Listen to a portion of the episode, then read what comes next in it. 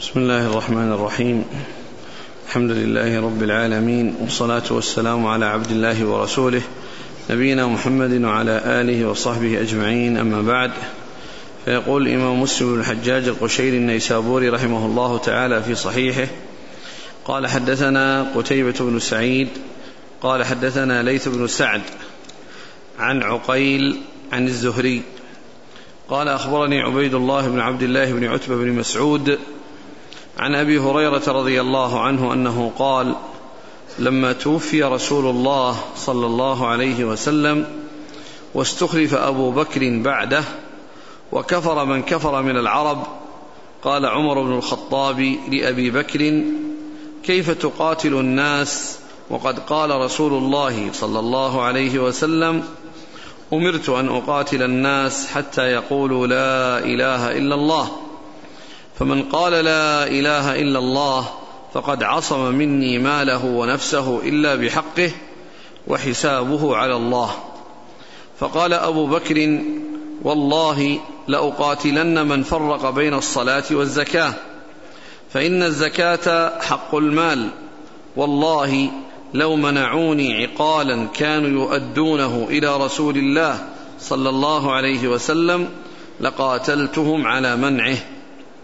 فقال عمر بن الخطاب فوالله ما هو إلا أن رأيت الله عز وجل قد شرح صدر أبي بكر للقتال فعرفت أنه الحق. بسم الله الرحمن الرحيم. الحمد لله رب العالمين وصلى الله وسلم وبارك على عبده ورسوله نبينا محمد وعلى آله وأصحابه أجمعين.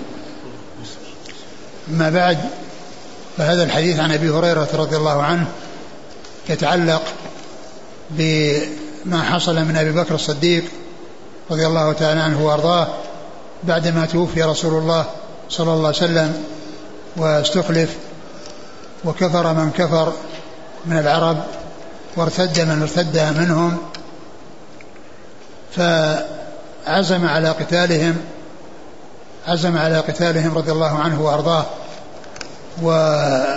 وراجعه في ذلك عمر بن الخطاب رضي الله تعالى عنه وقال كيف تقاتل الناس وقال كيف تقاتل الناس لفظ الحديث كيف تقاتل الناس كيف تقاتل الناس وقد قال صلى الله عليه وسلم أمرت أن أقاتل الناس. كيف تقاتل الناس وقد قال رسول الله أمرت أن أقاتل الناس حتى يشهدوا أن لا إله إلا الله وأني رسول الله.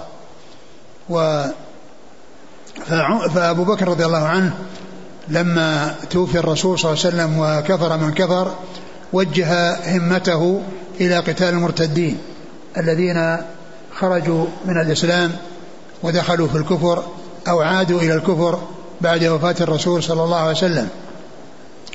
وهذا يدل على يعني آه، شجاعة أبي بكر رضي الله عنه وحرصه على المحافظة على ما كان عليه الناس في زمن الرسول صلى الله عليه وسلم ولم يتجه إلى قتال الكفار والذهاب إلى الفرس وغيرهم للقتال لأنه أراد المحافظة على رأس المال وهو الذي كان في زمنه صلى الله عليه وسلم. لأن لأنه لو بدأ بقتال أولئك وترك هؤلاء يمكن أن يكون منهم شر. ويكون منهم ضرر كبير لأنهم في نفس الجزيرة فوجه همته إلى قتالهم. وجه همته إلى قتالهم محافظة على رأس المال. وهو ما كان موجودا في زمنه صلى الله عليه وسلم من آه، أن أن أن أنهم دخلوا في الإسلام فأراد أن آه، يعيد هؤلاء الذين خرجوا منه إليه وأن يكونوا على ما كان عليه الناس في زمن رسول الله صلى الله عليه وسلم. و وكان وكان منهم من ارتد وكفر وعاد إلى الكفر وفيهم من تبع من من من ادعى النبوة مثل مسيلمة الكذاب ومثل الاسود العنسي. وفيهم من امتنع أو ترك دفع الزكاة يعني لم يدفع الزكاة وامتنع من دفعها فأبو بكر رضي الله عنه قاتل الجميع. يعني من كان مرتدا قاتله ليرجع إلى الإسلام ومن ومن كان امتنع من دفع شيء كان يدفعه إلى الرسول عليه الصلاة والسلام فإنه يقاتله حتى يعود إلى ما كان عليه حاله في زمن الرسول عليه الصلاة والسلام. وهو, وهو, وهو دفع الزكاة. وعمر رضي الله عنه احتج بهذا الحديث وهو قوله أمرت أن أقاتل الناس حتى يشهدوا أن لا إله إلا الله وأني رسول الله. وما وما وما جاء في ذكر الصلاة والزكاة يعني في في, في هذا الحديث الذي احتج به أو الذي ذكره عمر لأبي هريرة رضي الله عنه. ولكنه جاء يعني في بعض الحديث عند عن أبي هريرة وعن غيره في أن فيه ذكر القيام بشرائع الإسلام وكذلك ما يتعلق بالصلاة والزكاة وجاء ذلك أيضا في حديث ابن عمر وعن غيره وحديث غيره غير غير غيره من الصحابة رضي الله تعالى عنهم وأرضاهم. وقوله أمرت أن أقاتل الناس يعني قول الرسول أمرت أن أقاتل الناس الآمر له هو الله لأن النبي صلى الله عليه وسلم إذا قال أمرت أو نهيت فالذي هو آمر له هو الله والناهي له هو الله. وأما الصحابة إذا قالوا أمرنا بكذا أو نهينا عن كذا فالآمر لهم رسول الله صلى الله عليه وسلم. ومعلوم أن أمر الله أمر الرسول صلى الله عليه وسلم إنما هو أمر من الله لأن السنة وحي من الله كما أن القرآن وحي من الله فكل ما يأتي به الرسول صلى الله عليه وسلم من الكتاب والسنة هو من عند الله وهو من الله. وليس من وليست السنة من عنده وإنما هي من الله سبحانه وتعالى. فهو الذي أوحى إلى نبيه صلى الله عليه وسلم الكتاب والسنة. ومعلوم أن أن السنة أنها ما هي وحي من الله. قد قال الله عز وجل وما ينطق عن الهوى إن هو إلا وحي يوحى وجاء كذلك في أحاديث عديدة تدل على أن السنة هي من الله. ف إذا آه، ما يعني ما ما جاء يعني ما جاء من ذكر آه، قول ما جاء عن الرسول صلى الله عليه وسلم من قوله أمرت أو نهيت فإن الآمر له هو الله سبحانه وتعالى سواء كان ذلك في الكتاب أو في السنة. وليس وليس الوحي مقصورا على الكتاب وإنما هو على الكتاب والسنة. يعني كله ومن أنكر السنة فقد ومن أنكر السنة فهو منكر القرآن ومن جحد السنة فهو جاحد فهو مكذب بالقرآن. وذلك أن الأحكام الشرعية إنما عرفت بالسنة. القرآن جاء فيه إجمال الصلاة. أقيموا الصلاة وآتوا الزكاة. ولكن معرفة الصلوات وأعدادها وأوقاتها ويعني صفاتها إنما عرفت بالسنة. ومن قال إنه يؤمن بالقرآن ولا يؤمن بالسنة فهو كافر بالقرآن. لأن لأن القرآن ما فيه أن الركعات أربع للظهر والعصر والعشاء وثلاث للمغرب وثنتين للفجر وما فيه ذكر التفاصيل التي بها تعرف الصلاة. وقد قال عليه الصلاة والسلام صلوا كما رأيتم يصلي. وقد صلوا كما رأيتم يصلي. فالذي يقول أنه متبع للقرآن ولا يقر بالسنة فهو كافر بالكتاب والسنة وجاحد لما جاء في الكتاب والسنة ولا يمكنه أن يعبد الله عز وجل ويأتي بالعبادات إلا إذا آمن بالسنة وصدق بما جاءت به السنة وإلا فإن آه، الصلاة والزكاة والصيام والحج كلها إنما جاء بينها في السنة.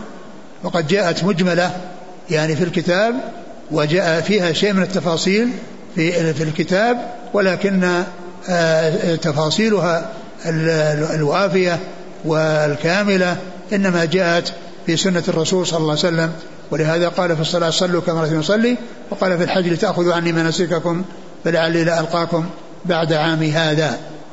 وكذلك بالصيام يعني جاء يعني في القرآن وجاءت التفاصيل يعني في, في, في السنة فيما يتعلق بما يحصل به الإفطار وغير ذلك مما هو مبين وموضح في السنة وكذلك الزكاة. يعني الأنصبة والأشياء التي تجب فيها الزكاة ومقدار الأنصبة النصاب ومقدار الزكاة في كل في كل نوع من أنواع المال في جميع أنواع المال إنما إنما جاء ذلك بيان في السنة. إذا قوله صلى الله عليه وسلم أمرت بكذا ونهيت عن كذا إنما هو من الله سبحانه وتعالى. أمرت أن أقاتل الناس حتى أشهد أن لا إله إلا الله وأني, وأني, وأني رسول الله. وهذا في بيان أن الأصل الذي يقاتل عليه ويكون الدخول فيه بالإسلام إنما هو بالشهادتين. شهادة أن لا إله إلا الله وأن محمد رسول الله. وهذا هذا يعني شيء متفق عليه. ولكن الكلام في الصلاة والزكاة يعني من يعني من امتنع من الصلاة أو امتنع من الزكاة فأبو بكر رضي الله عنه قال لا أقاتلن من فرق بين الصلاة والزكاة لأن الزكاة حق المال وهي واجبة كما أن الصلاة واجبة. والصلاة يعني تتكرر في اليوم الليلة خمس مرات والزكاة تجب على من كان غنيا إذا ملك نصابا وحال عليه الحول. فأبو بكر رضي الله عنه يعني يعني استدل بالقياس وقال لا أفرقا لا أقاتلن من فرق بين الصلاة والزكاة. لكن عمر رضي الله عنه آه، استدل بالعموم وهو بين له آه، أنه يقاتل من فرق بين الصلاة والزكاة. وبعد ذلك يعني آه، رجع عمر رضي الله عنه وعرف أن ما قاله أبو بكر هو الحق وذلك ظهر له بعد المحاورة والمناقشة ولم يكن ذلك تقليدا لأبي بكر وتركا لما هو عليه وإنما عرف أنه الحق إنما كان أن أن ما قاله أبو بكر رضي الله عنه أنه الحق الذي يتعين الأخذ به. و ف وكل منهما ليس عنده آه، ذكر الصلاة والزكاة وإلا لما احتاج يعني أبو بكر إلى أن يقول له قاتلنا من فرق ولا احتاج عمر أن يعني يعني يحتج عليه بالحديث الذي فيه ذكر الشهادتين. و وقد جاء عن عن ابن عمر عن ابن عمر نفسه آه، الحديث الذي فيه حتى يشهد لا إله إلا الله محمد رسول الله ويقيم الصلاة ويؤتي الزكاة. يقيم الصلاة ويؤتي الزكاة. ولم يكن ذلك معلوما لم يكن ذلك عند أبي بكر ولا عند عمر. ولو كان عند أبي بكر لما احتاج إلى أن يلحق الصلاة الزكاة بالصلاه ولو كان ذلك عند عمر ما احتاج إلى أن يقول له كيف تقاتل الناس؟ والله و و و وقد قال رسول أمرت أن أقاتل الناس حتى يشهد لا إله إلا الله. ولهذا قال الحافظ بن حجر أن هذا فيه دليل على أن السنة تكون عند عند من يكون أنها قد لا تكون عند الأكابر. يعني بعض السنن لا تكون عند الأكابر وتكون عند الأصاغر لأن هذه السنة كانت عند ابن عمر ولم تكن عند أبي بكر وعمر رضي الله تعالى عنهما. ولهذا قال الحافظ بن حجر وفي هذا دليل على أن السنة التعويل على السنة وما ثبت الدليل وأنه قد يخفى على من يكون كبيرا ويكون عند من يكون صغيرا بالنسبة لهذا الكبير.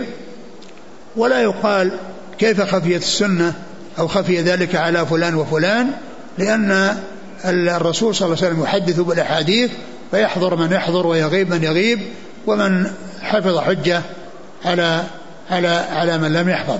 ولهذا يقول الحافظ حجر وفي هذا دليل على أن المعول عليه الدليل ولا يقال كيف خفي على فلان وفلان ولا يقال كيف خفي على فلان وفلان. أمرت أن أقاتل الناس حتى يشتغل أني رسول الله فإذا فعلوا ذلك عصموا مني دماءهم وأموالهم إلا بحقها وحسابهم على الله. نعم. فقال أبو بكر والله لأقاتلن من فرق بين الصلاة والزكاة. من فرق بين الصلاة والزكاة. يعني كأن الصلاة هذه لا إشكال فيها وإنما الكلام في الزكاة. ومعلوم أن الصلاة يعني آه، معروف عند الصحابة أن تركها كفر يعني إذا كان تكاسلا وتهاونا. أما إذا كان جحودا فإن ترك الصلاة كفر وترك الزكاة كفر يعني إذا كان جحودا وكذلك الصيام وكذلك الحج وكل أمر معلوم من دين الإسلام بالضرورة فإن تركه يكون كفر وإنما الخلاف في آه، في الصلاة وغيرها فإن الصلاة يعني آه، آه، الصحابة رضي الله عنهم جاء عنهم أنها كفر والأدلة جاءت على أنها كفر وأما الزكاة فقد جاء ما يدل على أن تركها تهاونا ليس بكفر وذلك في الحديث الذي فيه أن الإنسان إذا لم يؤدي الزكاة فإنه يفتح لها يعني لها أي زكاة الإبل بقاع قرقر فتطأه بأظلافها وتنطحه بقرونها أي الغنم. فإذا مر عليه أخراها رد عليه أولاها في يوم كان مقداره خمسين ألف سنة حتى يقضى بين العباد فيرى مصيره إما إلى الجنة وإما إلى النار. فقوله إما إلى الجنة وإما إلى النار هذا يدل على كفره على عدم كفره لأن الكافر لا سبيل له إلى الجنة بل ليس أمامه إلا النار. وهنا قال حتى يرى سبيله إما إلى الجنة وإما إلى النار. فدل على أن الزكاة يعني من تركها تهاونا فإنه لا يكفر ولكنها تؤخذ منه قهرا تؤخذ منه قهرا و ولكنه لا يكفر لقوله صلى الله عليه وسلم حتى يرى سبيله إما إلى الجنة وإما إلى النار بخلاف الصلاة فإنه قال العهد الذي بينه وبين الصلاة فمن تركها فقد كفر وقال بين المسلم وبين الكفر أو الشرك ترك الصلاة وكذلك جاء في أحاديث أخرى وجاء عن الصحابة أنهم ما كانوا يرون شيئا من الأعمال تركه كفر غير الصلاة يعني تهاونا وأما جحودا فكلها إذا جحد الإنسان فإنه فإنه يكون فإنه يكون كافرا. ومعلوم أن من امتنع من دفعها أي الزكاة فإنها تؤخذ منه قهرا. وإذا قاتل على ذلك فإنه يقاتل. وإذا قاتل على ذلك فإنه يقاتل. نعم. فقال عمر بن الخطاب والله ما هو إلا أن رأيت الله عز وجل قد شرح صدر أبي بكر للقتال فعرفت أنه الحق. نعم. وهذا ليس ليس تقليدا لأبي بكر وإنما ظهر له الشيء الذي ظهر لأبي بكر من القتال حتى يرجع الناس إلى ما كانوا عليه في زمن الرسول صلى الله عليه وسلم. قال حدثنا قتيبة بن سعيد. نعم. عن ليث بن سعد نعم. عن عقيل عقيل بن خالد بن عقيل. عن الزهري محمد بن مسلم بن عبيد الله. عن عبيد الله بن عبد الله بن عتبة بن مسعود. نعم وهذا أحد الفقهاء السبعة في عصر التابعين. نعم. عن أبي هريرة. نعم.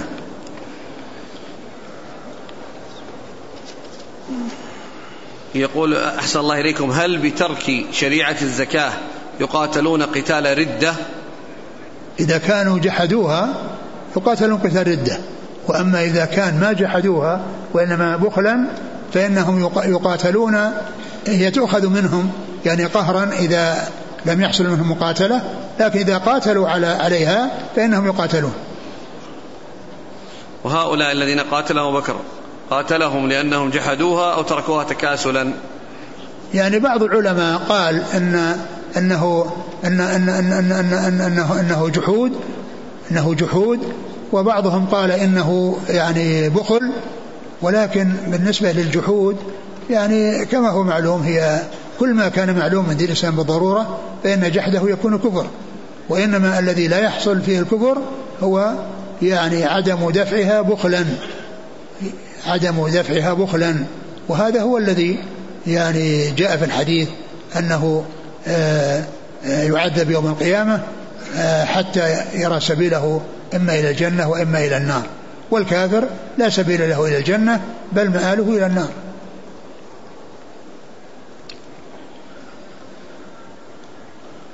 قال وحدثنا أبو الطاهر وحرملة بن يحيى وأحمد بن عيسى. نعم. قال أحمد حدثنا وقال الآخران أخبرنا ابن وهب يعني قال هذا هذا من دقة مسلم رحمه الله. لأن ذكر شيوخ الثلاثة وذكر أن واحدا منهم قال حدثنا وأن الآخران قال أخبرنا. نعم.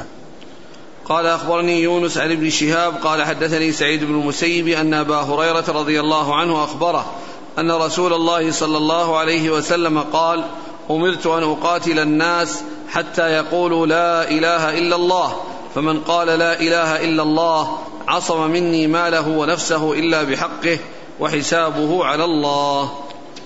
نعم. هذا مثل الذي قبله. قال في ذكر الشهادة. نعم. قال وحدثنا أبو الطاهر نعم. وحرملة بن يحيى نعم وهما مصريان. وأحمد بن عيسى. نعم. قال أحمد حدثنا وقال الآخران أخبرنا. نعم. عن ابن وهب عن يونس عن ابن شهاب. يونس بن يزيد الأيلي. عن ابن شهاب عن سعيد بن المسيب عن أبي هريرة. نعم وسعيد بن المسيب أيضا هو أحد فقهاء المدينة السبعة. لأن الحديث الأول يعني هو عن أبي هريرة وهو من طريق عبيد الله بن عبد الله بن عتبة والثاني عن أبي هريرة وهو من طريق آه، سعيد المسيب وكل منهما آه، من فقهاء المدينة السبعة.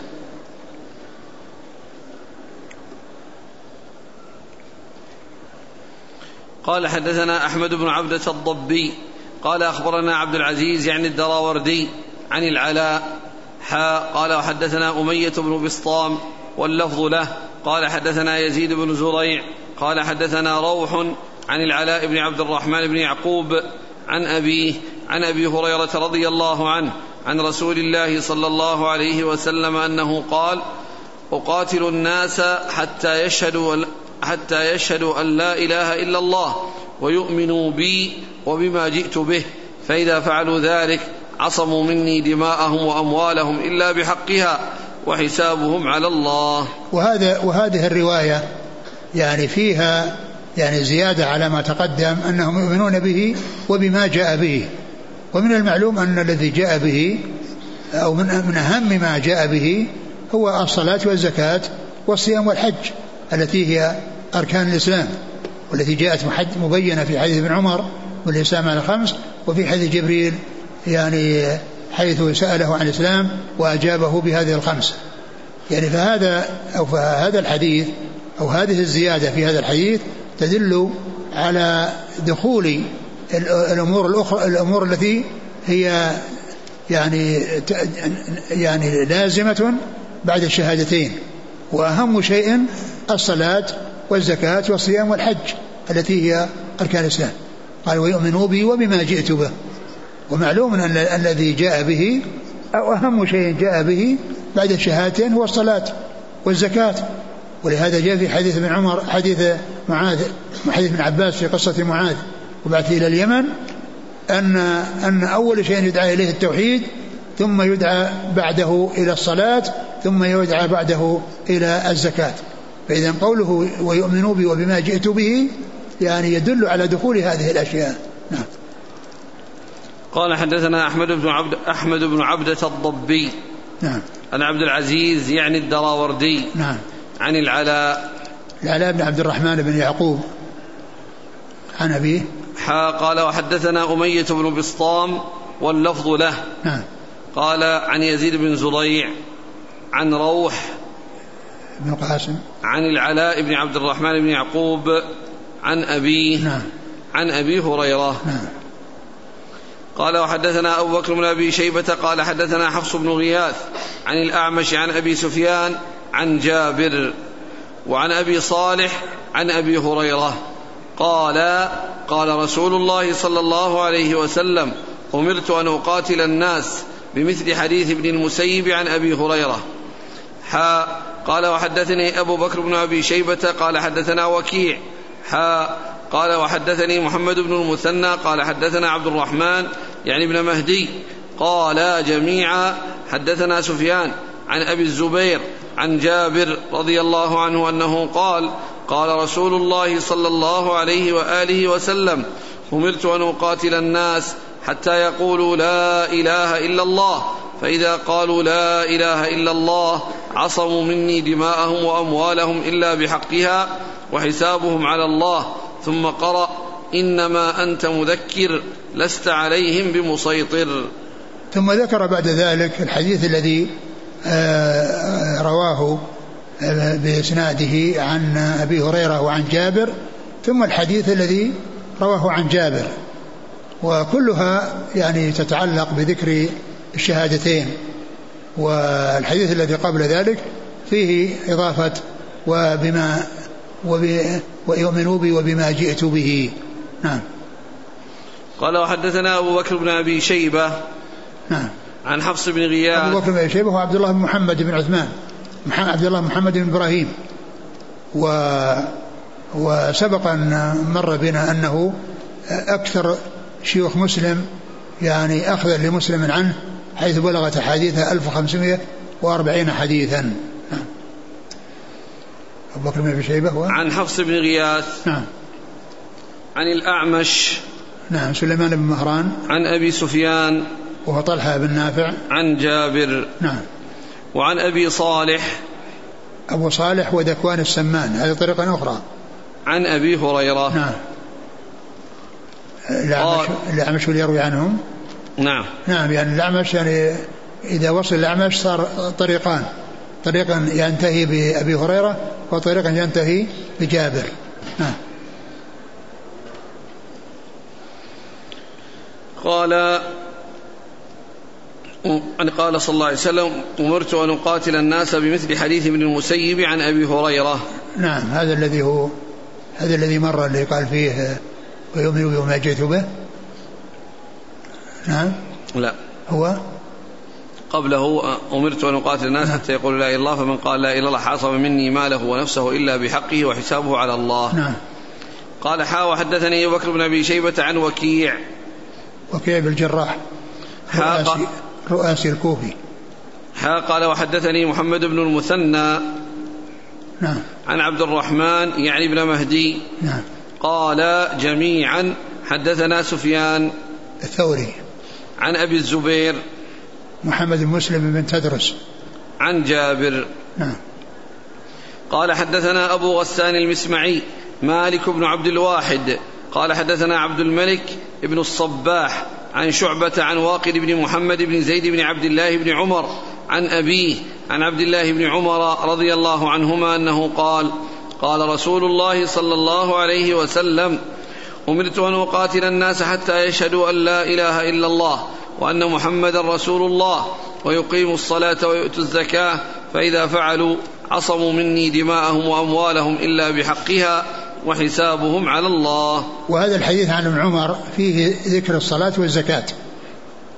وهو الذي يعني يعني قال الحافظ في شرحه أن أن أن أن السنة قد تكون عند بعض الأصاغر وتخفى على الأكابر لأن أبا بكر وعمر لم يكن عندهما هذا الحديث ولهذا يعني احتج أو يعني هذا احتج بالعموم وذاك احتج بالقياس. وابن عمر كان عنده هذا الحديث الذي فيه التنصيص على الصلاة والزكاة. ولو كان عندهما ما كانت هناك المحاورة يعني لها محل لأن لأن الدليل قد وجد في حديث ابن عمر.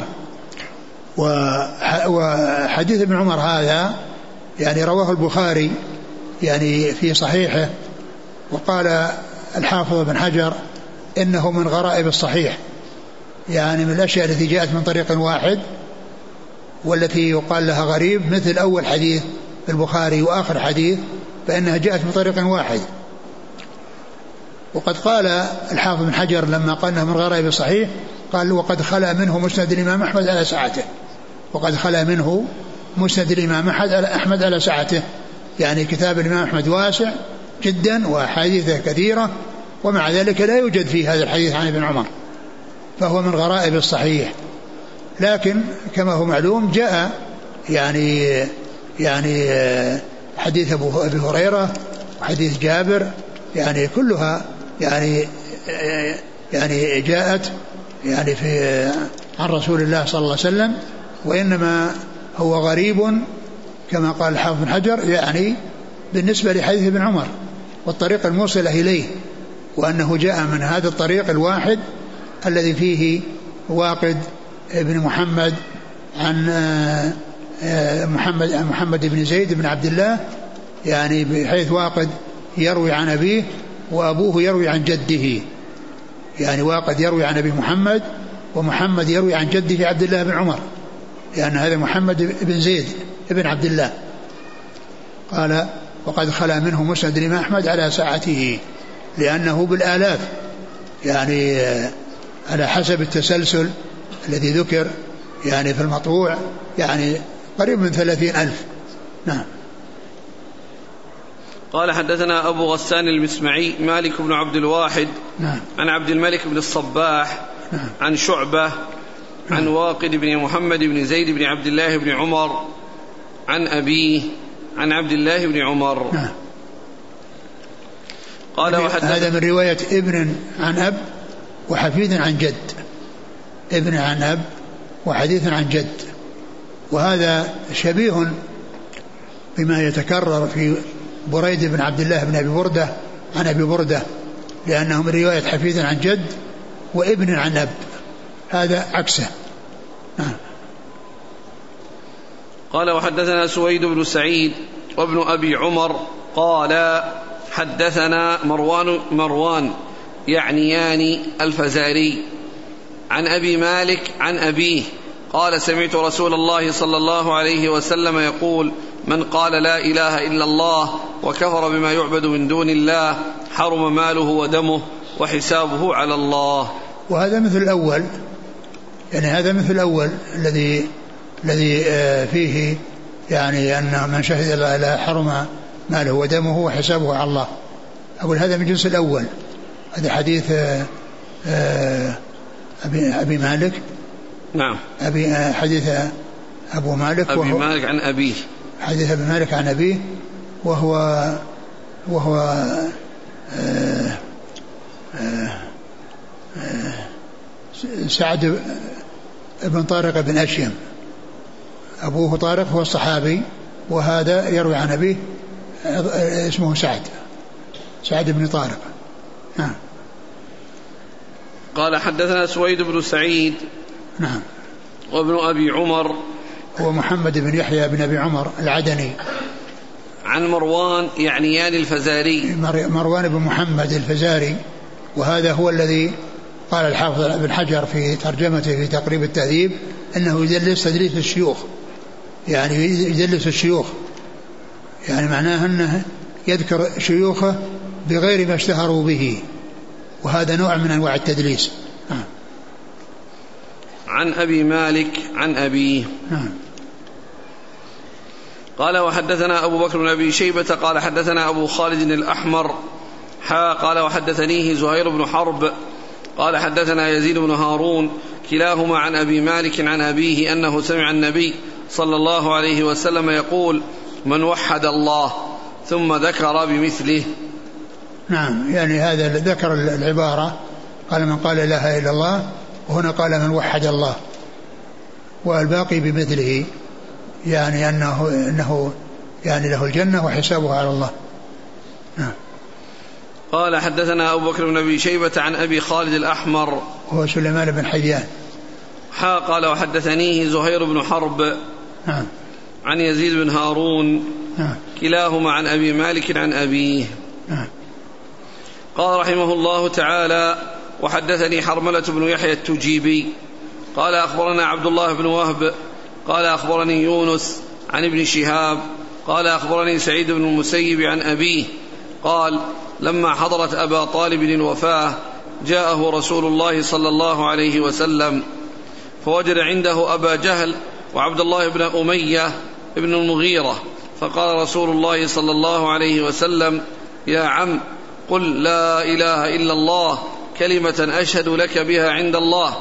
فقال أبو جهل وعبد الله بن أبي أمية يا أبا طالب أترغب عن ملة عبد المطلب؟ فلم يزل رسول الله صلى الله عليه وسلم يعرضها عليه ويعيد له ويعيد له تلك المقالة حتى قال أبو طالب آخر ما كلمهم هو على ملة عبد المطلب. وأبى أن يقول لا إله إلا الله فقال رسول الله صلى الله عليه وسلم أما والله لا أستغفرن لك ما لم أنه عنك. فأنزل الله عز وجل ما كان للنبي والذين آمنوا أن يستغفروا للمشركين ولو كانوا أولي قربى من بعد ما تبين لهم أنهم أصحاب الجحيم. وأنزل الله تعالى في أبي طالب فقال لرسول الله صلى الله عليه وسلم إنك لا تهدي من أحببت ولكن الله يهدي من يشاء وهو أعلم بالمهتدين. ثم ذكر هذا الحديث في عرض الإسلام على الكافر وأن ذلك ينفعه ما لم يغرغر يعني ما ما لم يصل إلى حد خروج الروح. فإن عند عند ذلك لا ينفع. هذا مثل خروج الشمس من مغربها. إذا خرج من مغربها لا ينفع الإيمان. وكذلك من كان حيا كل كل فرد من أفراد الناس يعني إذا إذا حصل خروج الروح وقت المعاينة وخروج الروح فإنه لا تنفع التوبة وإنما تنفع التوبة قبل ذلك. وإنما تنفع التوبة قبل ذلك. ويعني الرسول عليه الصلاة والسلام كان عند عمه أبي طالب وقد كان يعني في مرض موته ولكن قبل أن تحصل الغرغرة والمعاينة للموت ولهذا المحاورة موجودة. ولهذا كانت المحاورة موجودة. يعني بين الرسول صلى الله عليه وسلم وبين وبين عمه وكذلك بين عمه وبين الرجلين اللذين حضر عنده وكان يذكرانه ملة الآباء والأجداد والرسول صلى الله عليه وسلم يعرض عليه التوحيد وأنه يقول لا إله إلا الله كلمة يحاج بها عند الله عز وجل وأنه بذلك يسلم يدخل الإسلام ويسلم من من عذاب النار. وفي هذا دليل على أن الإنسان إذا مات إذا أسلم ومات بعد ذلك فإنه يكون من أهل الجنة وإن لم يحصل منه عمل ما دام أنه لم يتمكن من العمل. ولهذا في قصة اليهودي أو الولد اليهودي الذي كان آه، زاره الرسول صلى الله عليه وسلم وعرض عليه الإسلام وكان ينظر إلى أبيه فقال أطع أبا القاسم فأسلم ثم إنه مات فإنه مات بعد ذلك وصار بذلك من جملة المسلمين وصار يعني خرج من الكفر إلى الإسلام. فكذلك أبو طالب آه، راجعه النبي صلى الله عليه وسلم في في آخر حياته وقبل أن تحصل الغرغرة والمعاينة للموت وخروج الروح. وكان يذكره بهذه الحجة التي فيها سلامته وعنده هذان الرجلان اللذان يذكرانه ملة الآباء والأجداد. وهذا فيه يعني عرض الإسلام على الكافر قبل حصول الغرغرة كما حصل من النبي صلى الله عليه وسلم في هذا وما حصل في آه، اليهودي آه، الولد الذي هو من اليهود وآمن ودخل في الإسلام وسلم من عذاب النار. وهو لم يتمكن من العمل وهو لم يتمكن من من العمل. فهما يذكرانه ملة الآباء والأجداد وهذا فيه بيان مضرة جلساء السوء على الإنسان مضرة جلساء السوء لأن هذين كان يلقنانه الحجة الملعونة التي هي الكفر بالله عز وجل وكانت النتيجة وآخر ما حصل أنه كان أنه مات على ما ذكراه إياه ولم يأتي بالشيء الذي طلبه منه الرسول صلى الله عليه وسلم.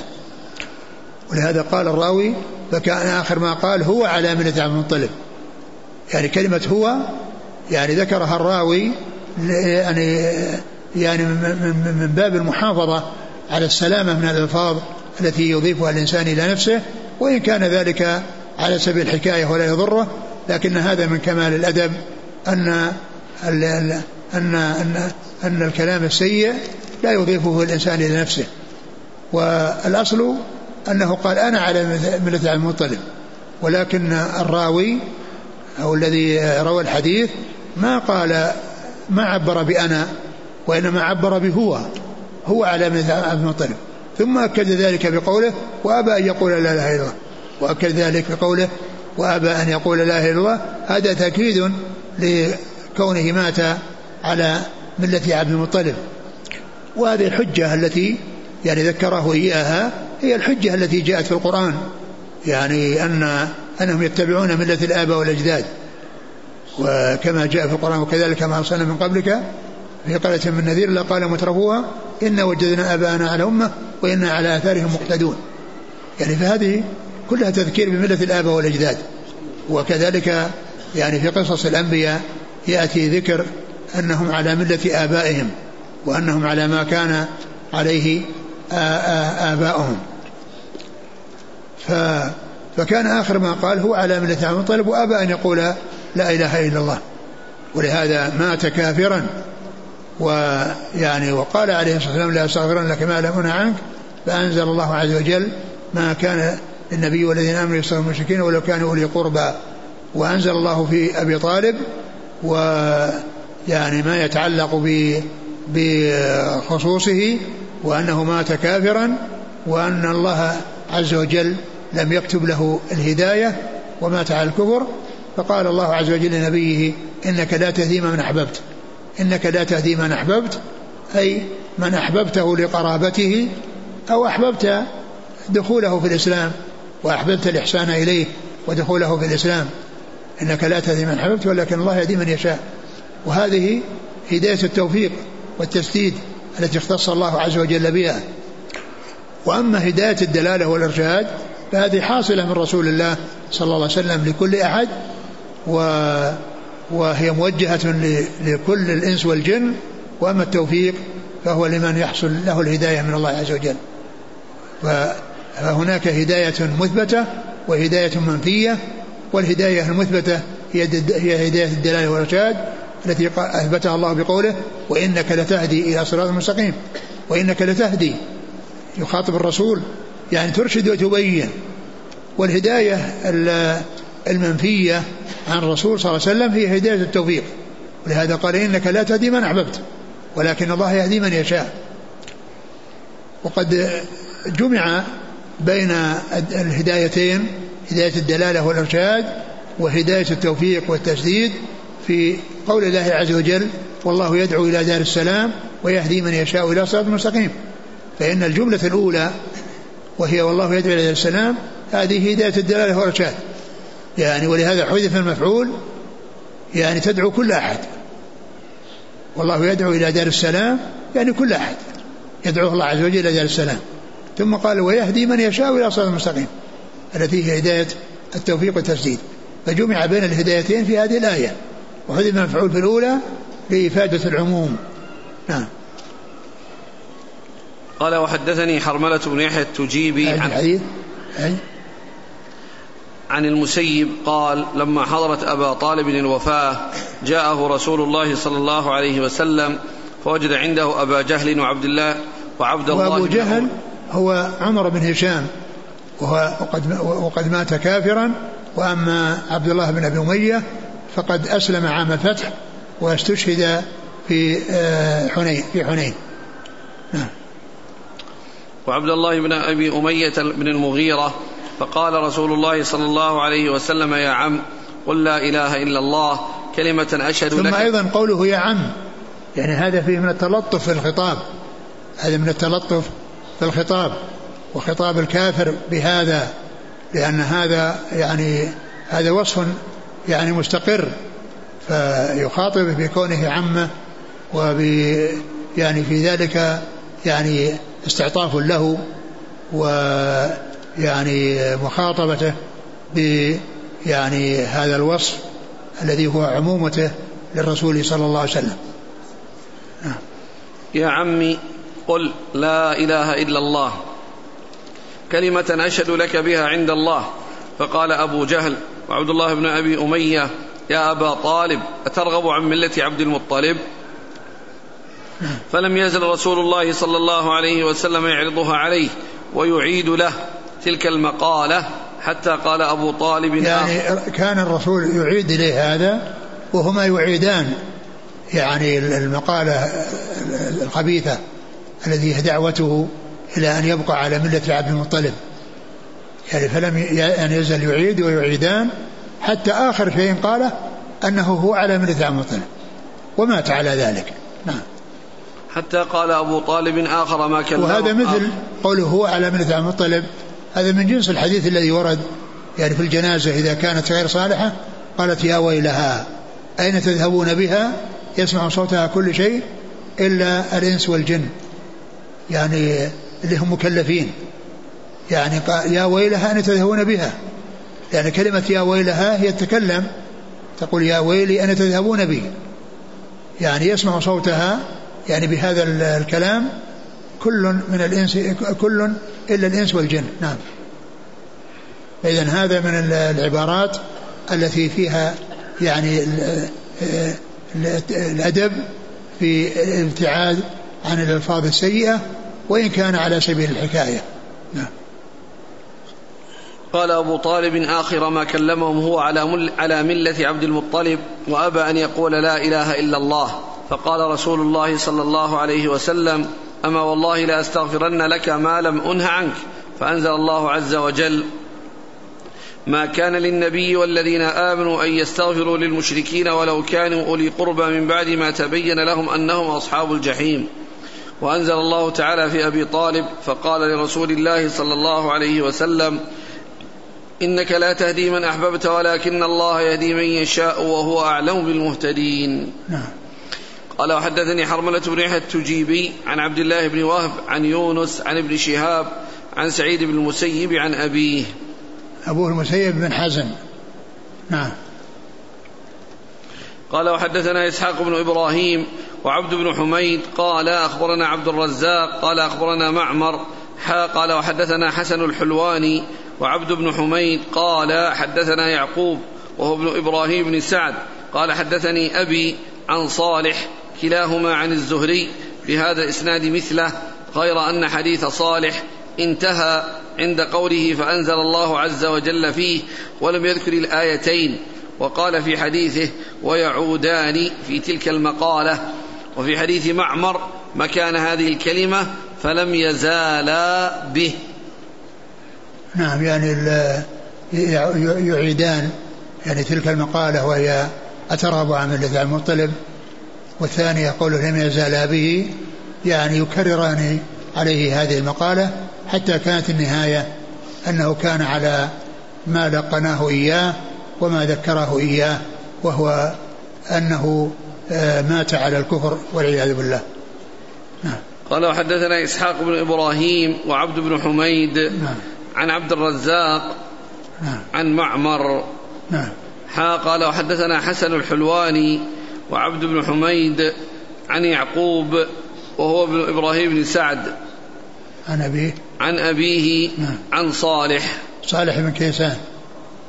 كلاهما عن الزهري بهذا الإسناد. نعم. قال حدثنا محمد بن عباد وابن أبي عمر. قال حدثنا مروان عن يزيد وهو ابن كيسان عن أبي حازم عن أبي هريرة رضي الله عنه قال قال رسول الله صلى الله عليه وآله وسلم لعمه عند الموت قل لا إله إلا الله أشهد لك بها يوم القيامة فأبى فأنزل الله إنك لا تهدي من أحببت الآية.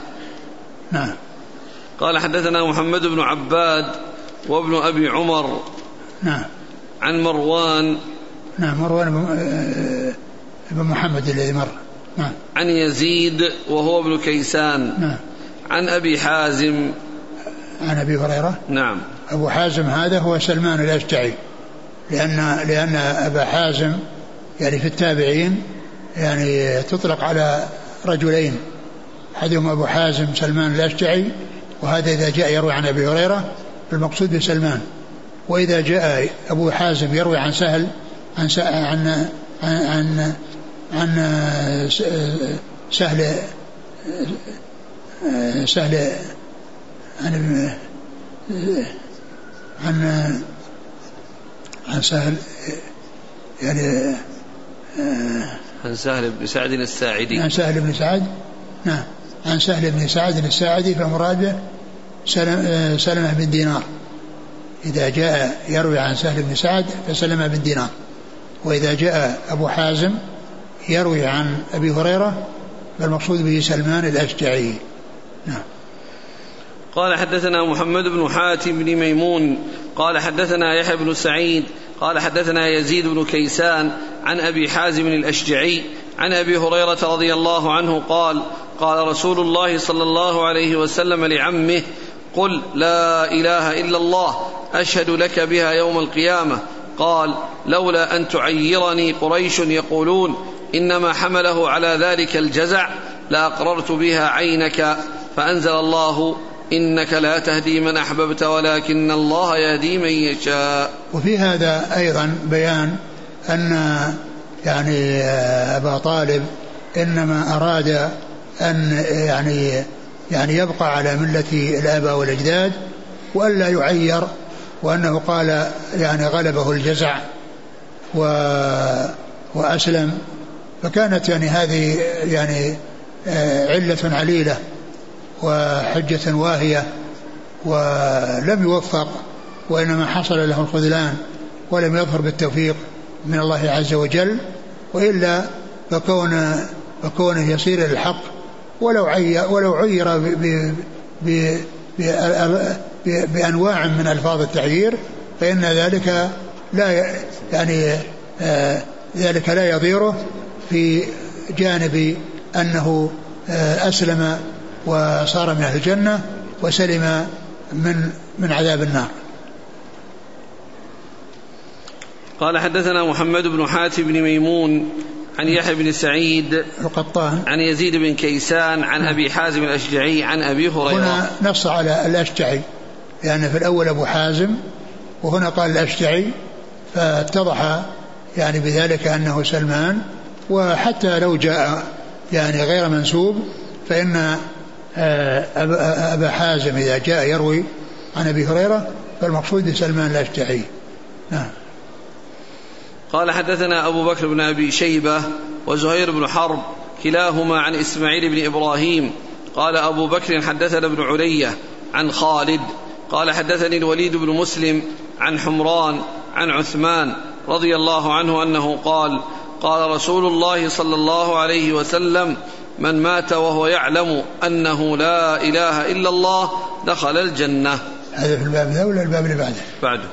الباب اللي بعده؟ نعم. والله تعالى أعلم وصلى الله وسلم وبارك على عبده ورسوله نبينا محمد وعلى آله وأصحابه أجمعين.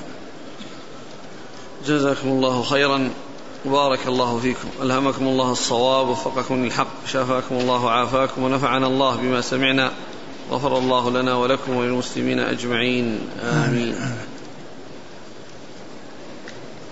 يقول السائل كيف خفي على عمر بن الخطاب؟ حديث ابن عمر مع أن حديث جبريل المشهور متضمن لما جاء في حديث ابن عمر في بيان الإسلام.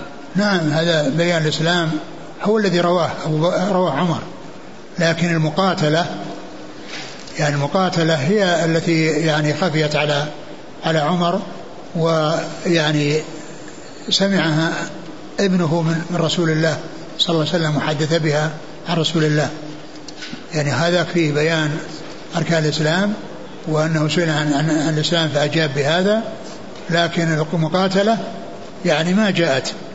يعني في الحديث الذي أورده أو في الاستشهاد بما أورده في حديث أبي هريرة وإنما جاء يعني في رواية ابنه عبد الله بن عمر. نعم. يقول هل يستدل بفعل أبي بكر رضي الله عنه على القاعدة الأصولية أن القياس يخص يخصص العموم؟ آه القياس يعني الأصل أن أن أن العموم هو هو المعتبر. أن العموم هو المعتبر. ولكن أبا بكر رضي الله عنه يعني لما كانت الصلاة يعني معلوم شأنها وعظيم شأنها وأنها تختلف عن عن الزكاة رأى أنه لا فرق بين الصلاة والزكاة لأنها قرينتها في كتاب الله عز وجل. قرينتها في كتاب الله عز وجل. لكن العموم كما هو معلوم الأصل الأصل هو هو يعني إذا إذا دل الحديث بعمومه على شيء فإن هذا هو الأصل. يقول إذا قاتل الإمام المرتدين هل يجوز أن يسبي ذراريهم ونساءهم؟